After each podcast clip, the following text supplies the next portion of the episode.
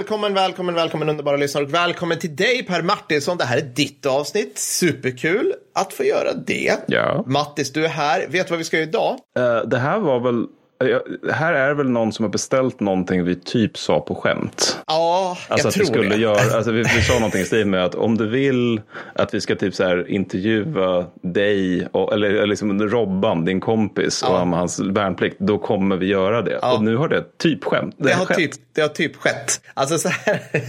eh, per Martinsson, som har, han har varit eh, G2-are. Alltså vår patron, Mm. underbar, eh, underbar människa, bara gör dem till bara det. I sex månader. Så han, och, det, men inte bara det, utan han, han var även på FS20 som eh, skytt, tror jag. Ja, skitsamma. Han var på en pluton som heter eh, Delta Quebec på FS20. Och bara så här, ja men Per Mattis, jag vill att ni pratar om den plutonen och varför den var bra. och jag bara, jag tar det här. det här låter jätteroligt. Så det jag har, jag har begått en intervju med plutonchefen på den plutonen, Joakim Lundgren. Och det är även Per Martinssons shoutout till världens bästa plutonchef Joakim Lundgren och ställföreträdande plutonchef Andreas Wägroth på den bästa pansarskjuteplutonen i historien, Delta Quebec FS20, samt krigarna i 482, inom parentes inte särskilt luftburna, HV Insatskompani, pluton Bertil Rudolf. Sådär, så har ni det. Så jag antar, nu bara gissar jag, jag är väldigt mycket kör. Ibland är jag grym på slutledningen Mattis, att Per Martinsson har någonting att göra med hemvärnet idag. Ja, alltså det, vi, vi har ju, eh, jag tror det är två HV-kompanier som följer oss på Insta. Det här var HV Insats. Var det HV Insats? Ja, Ja, men det var HV Insats också. Men jag vet inte, eventuellt borde vi kanske göra en podd någon gång om HV under HV Insats. Eftersom, Vi kanske, ja, Jag vet inte. vågar vi göra om hemvärnet? Nej, det och vågar sen vi tro inte att vi har göra. några lyssnare kvar. Jag är Nej, det vågar vi osäker. verkligen inte göra. Men, men, men, men ändå, de, de är väl ett exempel på det här med att hemvärnet har lyft sig lite grann än hur det var på pappas tid. Liksom, Ja, ja, det ja. var så här farbröder som lufsade runt mest. Och, Ja men precis. Jag är, en- egentligen är jag lite besviken på att HV inte har Mauser fortfarande. För det är så jäkla mycket nice att bära runt på en Mauser än en AK4. Har du haft en, har du burit på en ja, AK4? det har jag gjort. It's a fucking järnspett. Ja, Jag bara, är jag, liksom, den är lika lång som jag 18 är kilo hög. eller någonting. Alltså- ja, ja, visst. Liksom. Det, det, det är för sig, det ska bara, jag lovar, du ska få berätta om det. här. Jag såg i och för sig en ganska rolig grej på, på eh, internetet nyligen. För det var nämligen nej, men de här liksom, ryssvännerna som finns ute angående Ukraina-kriget. Som skulle, För det dyker upp bilder på, på så här, ja, men så här, vad som an, det kanske inte är ryska soldater eller också är det ryska soldater i bakre läge eller också är det liksom någon av de här liksom Donbass, Luhansk, eh, vad man nu än ska kalla de så kallade republikerna.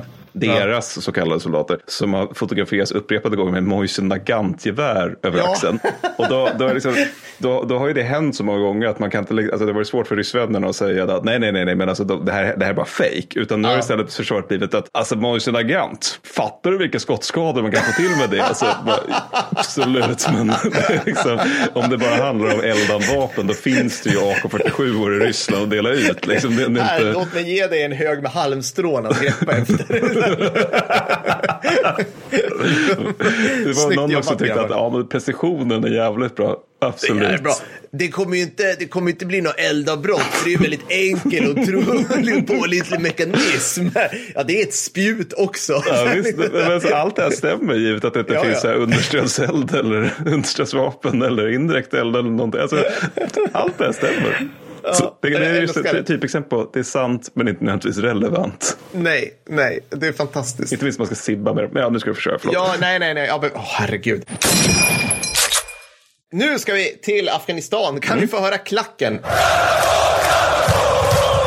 För det här är ju nämligen när vi, när vi utvecklade ära och dådkraft i Afghanistan. Och det, det, för mig, Mattis, är det jättekul att få prata med den här Joakim Lundgren för att jag kan ju liksom babbla lite så här strategiska time-outen med honom och inse hur litet Försvarsmakten är då och fortfarande skulle jag säga. Ja. Så det jag pratade med Joakim, han säger så här att ur ett plutonchefskap så var det en cool, det var en jäkligt frän mission. FS20. FS20 var ungefär, nu ska vi se om jag fick till det här med honom, början, det började 2010 och så roterade de ner i december 2010 och höll på fram till maj 2011. B- b- f- Fråga för en som inte, för en som inte vet. Det, det är ju no, några missioner där som är väldigt grötiga. Alltså att Ja. man faktiskt, det är faktiskt många som dödas och skadas under den tiden. Vilka är det? Liksom är det... Eh, Det är 70 Det är 18 och 19 okay, tror jag. Så det är rätt tätt Eh, inpå det. Man kan ja, tänka att de ja, åker ja. ner med ganska hög beredskap. Så. Ja, absolut. absolut. Så att han, han liksom, eh, Lundgren då, han, eh, han åker ner med, liksom, med insikten. Och det tror jag var därför Per Martinsson ville att skulle prata om det här. Att han, han, sätter, han sätter ner sina soldater och bara så här, det kommer bli strid, vi åker till ett krig. Alltså att han förbereder väldigt mycket. Och sen, vi kommer in lite på ledarskapet, men hans, hans liksom inställning var ju på något vis att vi ska hela tiden ha en slags, vi ska hela tiden prata om det som har hänt. Det som, typ, debriefing är ett litet halvfult ord, men, men liksom den typen av liksom reflektion över vad händer nu, varför gjorde vi så här och så. så att, och det började han redan liksom med under eh, missionsutbildningen. Och missionsutbildningen är lång, det tror jag inte de flesta vet. Den är typ lika lång som missionen. Det är så här, sex månader kan man hålla på och luf- lufsa runt på livgardet med oklara arbetsuppgifter under tiden. Liksom. Men det måste ju vara väldigt bra också om man ska liksom stärka gemenskapen inom förbandet också. Ja, men det är ju det. Alltså, Det är väldigt mycket tanken. Jag menar, det är inte en dålig... Så här, det är typiskt svenskt. Det är inte en dålig tanke i sig, men det blir bara... Det blir så otroligt omständigt för alla inblandade på något vis. För att det ska vara på det här viset. Men ja, det är så här, min fjärde mission. Måste jag gå igenom liksom pek 1 till 2 igen liksom här? Ja, Ja. det måste. Alltså, okej. Ja, nej, nej, jag, jag tänkte på, på det här med att samtala. Alltså att man, man, Ja, ja, ja, ja svinbra. Det, det är bara bra. Liksom. Så lite med Joakims bakgrund. Han liksom är någon form av så här, alltså den gyllene eliten i att ha gått igenom liksom, de här snabbinsatsförbanden som har varit. Han har varit på IA 06, vilket får alla P7 att så här, svimma av underbarhet. De på riktigt tycker att det är det bästa soldaterna som världen någonsin presterat. Det var de som på IA 06. Jaha, okej. Ja, men de hade 1500 sökande till ett skyttekompani. Va? Ja, och sen hänger man, alltså liksom börjar man där, då hänger man liksom med på olika saker. Så att man, om man liksom, om man vill, det, det är en slags, det här var innan det fanns anställda soldater liksom med, med några år. Men de som är med och börjar tidigt på sådana här snabbinsatsförband, de liksom flyttas runt. Så de är med, liksom, de åker till Kosovo, några de är på FS17, de kommer in på MBG 11. Och du vet, det är liksom samma, samma typ av folk. Så att det, det Jocke menar här, liksom, det är att han hade en jäkla tur att det här var en av de sista missionerna där man kunde liksom handplocka människor till sina, in, efter det och lite så här, då var det mera, okej, alla ska vara bra, alltså du får inte liksom vara dålig, men det är typ den här värnpliktskullen eller den här skyttekompaniet som ska åka. Man plockar liksom inte ihop saker från scratch på samma sätt som man gjorde då. Men, men, hur, men när man plockade, var, var det då liksom så att man, man, jag tror du nämnde det i avsnitt 36, men alltså att man, man, man, det var, man utgick ganska mycket från vilka man kände sådär, liksom att man, man Ja. Från eget, huvud, jag vet att det här är en bra karl. Liksom, som, Ja, absolut. Exakt så. Eller liksom, så, att- så att hans chef, alltså att, om jag minns det här rätt, att han, han plockar ut sina gruppchefer då, och sin Steff och lite sånt där. Ja. Och sen fick de välja sina egna. Okej, med ja. hjälp Mm, då kanske. Jag antar att det var, det var liksom, så gruppcheferna, eller kan väl vara så här, vagncheferna får välja, ja men jag känner, Liksom, jag gjorde GU med den här killen, han är en grym förare, honom vill jag ha på min vagn. Liksom. Och alla vill ju åka, för det här var ju på den tiden när det var liksom fucking, alltså det var ju det man, alltså du kunde inte vara hemma på kasern. Nej, nej. Det här var ju sättet att liksom få vara i uniform om man ville det. Plus, ja men du vet, det här vanliga äventyr, massa pengar, etc. etc. Så de roterar ner i december, det här är en vintermission, något jag är för jävligt avundsjuk på för att eh, sommarmissioner är döden där nere tycker jag. och han började, man kan väl säga, jag frågade lite grann, men hur liksom förberedde dig? Han förberedde sig- han, han började liksom ett, ett år innan. Han tränade mycket, han läste mycket, han läste Passion of Command som han tror är skriven av Godfather i Generation Kill. Alltså, Nice. så, det är originalet, vilket är roligt för det måste ju vara typ varenda person som som du ser på scenen, eller som du ser i bild, Generation Kill, har skrivit en bok. Ja, ja, ja, ja, så alltså är det det ju liksom, Ja, eller vet. flera. Ja, Liksom. men Lieutenant Fick har ju också gjort det. Ja, ja, Making of a Marine Officer, den är bra. Ja, det är alltså, bra. Liksom, Och, och det är väl, har inte han, han som Skarsgård spelar, Iceman, eller? Mig att han också har skrivit någonting om, för det är typ ur PSTSD har jag för mig. Alltså det är något mycket deppigare. Ja. Jag tänker om Trombley har skrivit en bok, det är väl det bara liksom så här, let the bodies hit the floor i 300 sidor. Så, så. hur man blir en överjävulsk KSB 90-skytt skulle jag What? What? I shot them. Can I shoot some dogs? Okej, så han, som jag sa, han förberedde sin pluton väldigt mycket när de väl hade samlats. Liksom, vi åker mot strid. Var och en av oss måste vara klar med att jag eller någon av mina soldater kan bli skadad eller dödad eller att jag måste döda någon. Och Det här är bra skit. Sen liksom, ja, men, de, de hade också den här min pet peeve, liksom, hur fan, hur gjorde ni med utrustning? För det här, Mattis, utspelar på den tiden där liksom Försvarsmakten bara, vadå? vadå något annat än stridsväst 2000? Det kan omöjligtvis behövas. Och han bara klev in där och bara, okej, okay, men vi ska, liksom, okej, okay, alltså det här är min andra mission där, dit ner. Stridsväst 2000 är inte gjord för den här typen av tyngd. Stridsväst 2000, Mattis, den är mm. gjord för, liksom, en mag alltså så här, fyra magasin mm. till din AK5 Adam, en mm. handgranat och sen ska du ha, liksom, du vet, kanske en karta intryckt i liksom innerfickan. Just det. Mm. That's, that's it liksom. Det är typ det. Men nu bara 18 magasin, 14 handgranater, du vet, liksom, tusen andra grejer. Liksom. Men det där minns jag fan från lumpen. Just, vi var ju markersoldater så vi mm. hade så mycket, plus att jag var KSB-skytt, vi hade mm. så mycket liksom, elektronik på oss med oss, mm. eller liksom, optik och liknande. Mm. Och att det var, ganska, det var ganska svårt att få på allting på just Stridsvakt ja. 2000. För, för, framförallt om man sen skulle ligga med, med det. Ja. För, för att det, var, ja, det var, blev bökigt helt enkelt. Men du, du, har ju, du har ju liksom en påse skridskor som du har trätt över kroppen. Ja, så det, allting bara flyttar sig runt. Ja. Ingenting sitter bra. Liksom. Men fickorna hänger av det. Alltså det nej. Så att det han gjorde då var ju liksom så här, ni får köpa egen utrustning, mm. men man måste liksom ha, man måste synkronisera det här med alla så att alla köper liksom så man ser enhetlig ut. Mm. Plus att när vi är på gardet, och det här säger ju allt om gardet, så ska vi liksom, då ska vi ha, vi, vi, då går vi runt i den stridsutrustning som vi har fått tilldelad. Sen kommer vi utanför grindarna, då byter vi. ja men liksom för, för att liksom på gardet, så här, då utsätter du för att det går förbi någon så här uttråkad major som bara, nu ska det här bli mitt korståg att den här plutonen över min döda kropp. Du vet, såhär, varför har ni så Du vet, Mvh KB I15 7778. Alltså den, den typen av individer skulle dyka upp. Det hade minsann alltid hjälpt. Ja. När jag åkte till Cypern. Så... Ja, men liksom typ så. Liksom. Så i alla fall så roterar de ner. Mm. Och där, väl där nere så var de mest, alltså det här, för det här, var, det här har jag inte tagit, det är en pansarskjutepluton. Så det är fyra stycken stridsfordon 90 Caesar plus då en bärgare som alltid hängde med dem. Så det är, rätt, det är en rätt stor skyttepluton, eller pansarskjutepluton. Och de fick vara, det var liksom den enda där också. Så de var mycket alltså snabbinsatsstyrka på mm. plats, mm. QRF. Jobbade en del med, eh, med Soggen också. Det här ja, frågar jag inte honom mer om. Jag vet inte varför. Jag tänkte, varför du är journalist, hur kan du inte ja, liksom höra sången och sen... Ja, ja, jag vet. Jag vet. Jag satt och tänkte, mm, drabantkåren. Så jag tänkte, de satt lite i vakten och sådär. Och huvuddelen, precis som jag var nere, var ju liksom att de åkte på grejer west of Mes, alltså mm. väster om Masari Sharif. Och ofta så utlokaliserade de plutonen. Alltså de, de åkte ut och ställde sig i öknen, liksom närmare de hotspots där de trodde det skulle skorpa till sig. Mm. Någonting händer, de åker dit. Strider, ja, nu ska du föra. Det fanns en by som heter Tarashi, mm. som jag hoppas jag uttalar rätt. Det var där Kenneth Wallin stupade, om det var missionen innan. Eller Jaha, missionen ja. innan det. Mm. Där var de minst två gånger och där hade de, det var lite roligt för att det här var, man märker att det var innan min mission för att de hade liksom typ en, där var confrontation line. Det var liksom, mm. där var fronten på något Jaha, vis. För att de visste att åker de över här, ja. då kommer de bli påskjutna. Det. Liksom, det var så här garanterad liksom det. Så att, men trots, trots att det var så här liksom, det var skitmycket idéer, det var massor med eldöverfall så var det ingen som blev svårt skadad eller dödad under FS20 då. Nej men det var ju bra. Men, bra. men vi kan typ,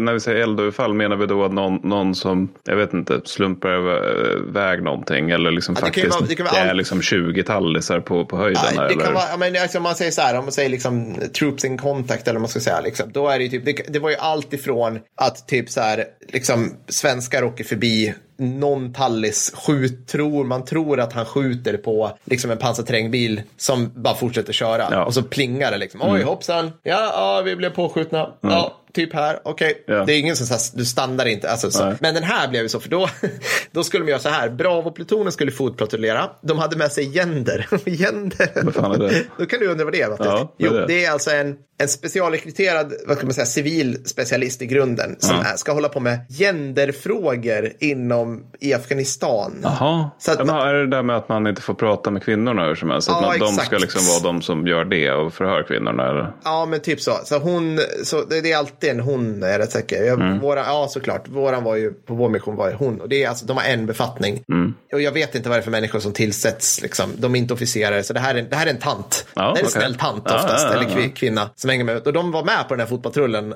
och går mot den här byn. Och den här, Gender har varit nere i liksom två veckor. Mm. Eller något totalt rutis.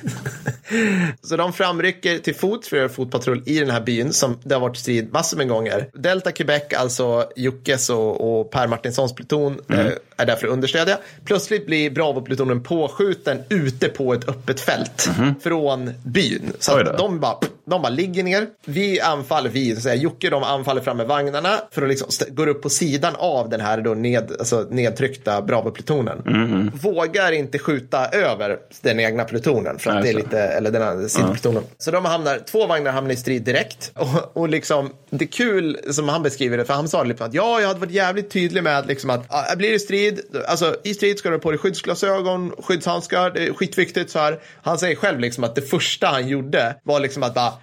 jag ser inget. Jag sitter i vagnchef, tar av sig handskarna, sliter av sig glasögon, luckar upp och ställer sig med kikare och tittar. Men, ja, men, men jag fattar, det Ja, är jag som mänskligt också. drag, för du är Ja. chef. Du Ja, måste visst. se vad som Mm, händer. Så han står som Patton uppluckad i sin, i sin stridsfordon. Och sprutorna, det här, och det här visste jag inte om, sprutorna på Caesarvagnar, Mm. de sitter inte koaxialmonterade i, liksom, i tornet, inuti tornet som de gör på Adam och Bertil-vagnarna. Utan de sitter, och så gör de nu tydligen nu på alla nu för tiden efter Remo. De sitter liksom, det är en KS58, får vi höra medeltung och kulspruta. Och klacken. Som sitter ovanpå taket. Ja. Men då har man löst det så idiotiskt att bandföringen in i sprutan går liksom i en vinkel. Mhm. Och du vet Mattis, liksom, hur går det när man har för mycket vinkel på bandet? Liksom? Jag vill minnas att det var eldavbrott, att det var så då. Ja, ja. ja, Så ja, Det alla- är ju inte bra ingenjörskonst. Nej, så båda sprutorna på de här vagnarna som är i strid, som blir påskjutna från byn, Mhm. Får eldavbrott på sina kulsprutor, varvid båda öppnar eld med automatkanonerna. Så de står nu och dunkar in. De sköt över 30 granater, Oj, vilket är ja. svenskt rekord. Finns det någonting kvar av byn efter det? Eller Ja, det är ganska bra det. tryck Alltså, de här- i en... Det är, så jä- det är bra tryck och det är inte, de kör ju, alltså de kör ju brisadgranater så de, de tempererar dem i, det är sådana här 3P-granater. Så de skjuter dem och så exploderar de liksom i, i luften eller något Mm. Ja, sånt just ungefär där man Mm. tror att de är. Vad var vi nu? Så här, de var i strid i 15 minuter och liksom, okej, så att han, han, hans, hans slutsats, han liksom utvärderar sig själv så här, bra, och det är så att man, man ser att de rör sig, alltså vagnarna rör sig i stridsställningen. Mm. Bravo hinner liksom dra sig ur sakta men säkert, men det är en lång väg att gå, så de rör sig i stridsställningen. Mindre bra liksom, så här, det är så här, om det hade någonsin funnits ett bättre tillfälle att skjuta rök, så är det nu, att de ska Mm. skydda utdragningen av avsutten trupp. För de har ju så här Galix-rökkastare på, och det Mm. liksom, liksom bara vrum, psh. Men, men ingen tänker på det för att, och så här är det, precis så här är min erfarenhet också, att hem, alltså i, i liksom hemma vid i fred, Mm. då är det jobbigt att öva och skjuta rök. För att den här röken innehåller någon så här aluminiumfläns, du hade, ni hade säkert det på pebberna också. Jag minns jag faktiskt inte. Ja. Ja, skitsamma. Det, det är typ så här, det, det är en speciell grej. Liksom, Det blir stökigt om man använder det. Det Liksom. blir stökigt, det är svårt, att- det är så jobbigt, och, det är så jobbigt att liksom, alltså, lägga in det i en övningsplan och man kan ibland inte hitta skjutfält som där får plats och du vet, sådana Mm. där grejer. Liksom. Så det händer inte så ofta, vilket gör att om man inte övar på det, då gör man det inte i strid. Nej, just det. Nej. Så, så enkelt är det ju. Liksom. Nej, precis ja. Och sen kan det väl, ja exakt ja. Ja, och, och sådär liksom. Och det, han sa det liksom att det var jobbigt också för att en av de, den här signalisten på Bravo-plutonen, han envisades med att bara prata engelska och var rätt att det här är ju en, du ska komma ihåg, det här är den djupaste strategiska timeouten. Alltså det var ju på väg ett tag att så här, vi pratar bara engelska. Inte, det. inte att vi gått över till signaleringsalfabetet, alltså Bravo Quebec istället för Bertil Quintus, utan over, yes, uh, alltså du vet, du, du, liksom, du pratar, we Med den are, där fot, bla, bla, alltså, fotbollstränars-engelskan där. Liksom, Ja, det alla kanske inte är helt high på engelskan. Ja, men, men, vadå, var det för att han var så stressad att han började prata engelska? Eller var Ja, det... men typ så. Liksom, Ja, det, det, det, då, då föll det tillbaka. Sen, så att, men de klarade sig och eh, så, här, så att säga gjorde bra ifrån sig, ska man väl säga. Sen Mm. var det väl att, eh, han, sen var det med om en jävligt tuff grej också. Det var att en bärgarvagnen, jag ska försöka fatta mig kort, spolades bort i en vårflod i en sån här uttorkad vadi. Utan de, Jävlar. de, de hade Ja. de var på väg tillbaka, halva plutonen stod sig över, halva var kvar på ena sidan och så var det så här, ja det var liten, det hade precis öst ner regn Mhm. och så hade hela öknen blommat upp. De bara, vad vackert. Och så ska de ner och korsa en wadi, kommer det lite vatten så här. Han bara, ja men vi kör över, liksom, vi kör över. Och sen tog de sig över, så hör de från bärgaren liksom att, ja, eh, det är rätt mycket vatten här. Men vi testar, eller du vet, Mm. vi kör. Och sen bara, sen hör han igen så här, vi dras med i floden. Åh, Jävlar. Varav liksom två av vagnarna får i uppgift att hjälpa till i vattnet. Vagnen glider ungefär 200 meter, bärgaren glider ungefär 200 meter ner, tippar upp och ner. Och liksom, det man upptäcker är liksom att man försöker ta sig ut till den här vagnen. Det är liksom inte två meter djupt vatten som det ligger i, men det är mycket vatten. Skytten och vagnchefen spolas i land 500 meter längre ner. Åh jävlar. Så de, de dras med, liksom, har hoppat ur. Däremot föraren han, han är kvar i vagnen och är instängd i en vagn som han tror är under vatten i tio Mm. minuter. Så idag mår den här killen bra, men Ja. han, han har mått inte så bra. Det är fullt förståeligt. Fy fan. Oh, gud vilken mardröm. Ja, så det, det, och den hade jag hört om, den, upp, den Mm. incidenten, innan jag pratade med Joakim Lundgren. Så det var kul att, eh, eller kul, ja men skitsamma. Det var Intressant. att höra, ja men det var, det var kul att höra, så här gick det faktiskt till. För det är jättebra. Så ja, det var väl det. Varför var Del- Delta Quebec bäst? Ja, det ska jag berätta för dig Per så här, De hade möjlighet att, han hade att handplocka sin personal som jag sa. De, tog ihop, de tog chansen att liksom komma ihop sig. Han tog sin pluton många gånger runt sig och pratade med dem i underförbandsutbildningsskedet. Och det är jävligt viktigt. Och det är också någonting som man, om man är utanför det här kanske man tror, men vadå, är inte plutonchefen med sin pluton hela tiden? Du vet att det slussas runt. Och det kan jag säga nej, Ja, det är det ja. verkligen inte. Chefen är ofta borta mycket av liksom förklarliga anledningar. Så det, det är stort att han, att han lyckades. De använde, som jag sa, after action review redan i utbildningen. Öppet klimat eh, upplevde han, försökte han eftersträva. Han, han försökte vara lite Captain Winters i Band of Brothers. Liksom. Och sen bara, ja men var ärlig mot soldaterna, ärlig mot sig själv. Mm, ja. Och eh, från och med i 2013 så håller den gode kapten, tror jag han är nu, Joakim Lundgren, på utbilda en utbildningsgrupp i hemvärnet. Han har flyttat tillbaka till Östersund. Men han är kvar i det militära helt enkelt? Ja, han är kvar i Mm. militära. Jag tror att ja, men han ska väl vara med i någon Ja men där F21 detachement i Östersund tror jag. På okej, vis. ja. Så är det med. Så svinkul att snacka lite Affe faktiskt. Jag Ja, blir ja. lite, jag blir, man blir ju nostalgisk. Som ni förstår det. jag hade, en, jag hade en, eh, en fredagsartikel till Patrons här om hur nostalgisk jag blev över liksom, just den estetiken. Så tidig svensk Affe-mission. Just det, men de här, vad var det du tog upp där? Ben, eh, knäskydden och sådär också. Att Ja, alla, något alla är lite så individuella i sin kit. ja, ja, det är verkligen liksom. För den som ja. undrar så var det ganska givet att Per fick ta den här pucken. Eftersom det Ja, var ja. lite konstigt om jag bara, ja okej, Afghanistan, eh, det har jag läst om. Nej, men svinroligt. Jag hoppas att vi får chans att, hoppas jag får chans att intervjua fler. Det är väldigt, väldigt roligt. Ja. Ja, men det här blir skitbra. Tack Per Martinsson för att du är vår Patreon. Så hoppas vi syns på Tersafesten. Ja, tack så mycket. Ha det så bra. Ha det bra. Hej då. Hej då.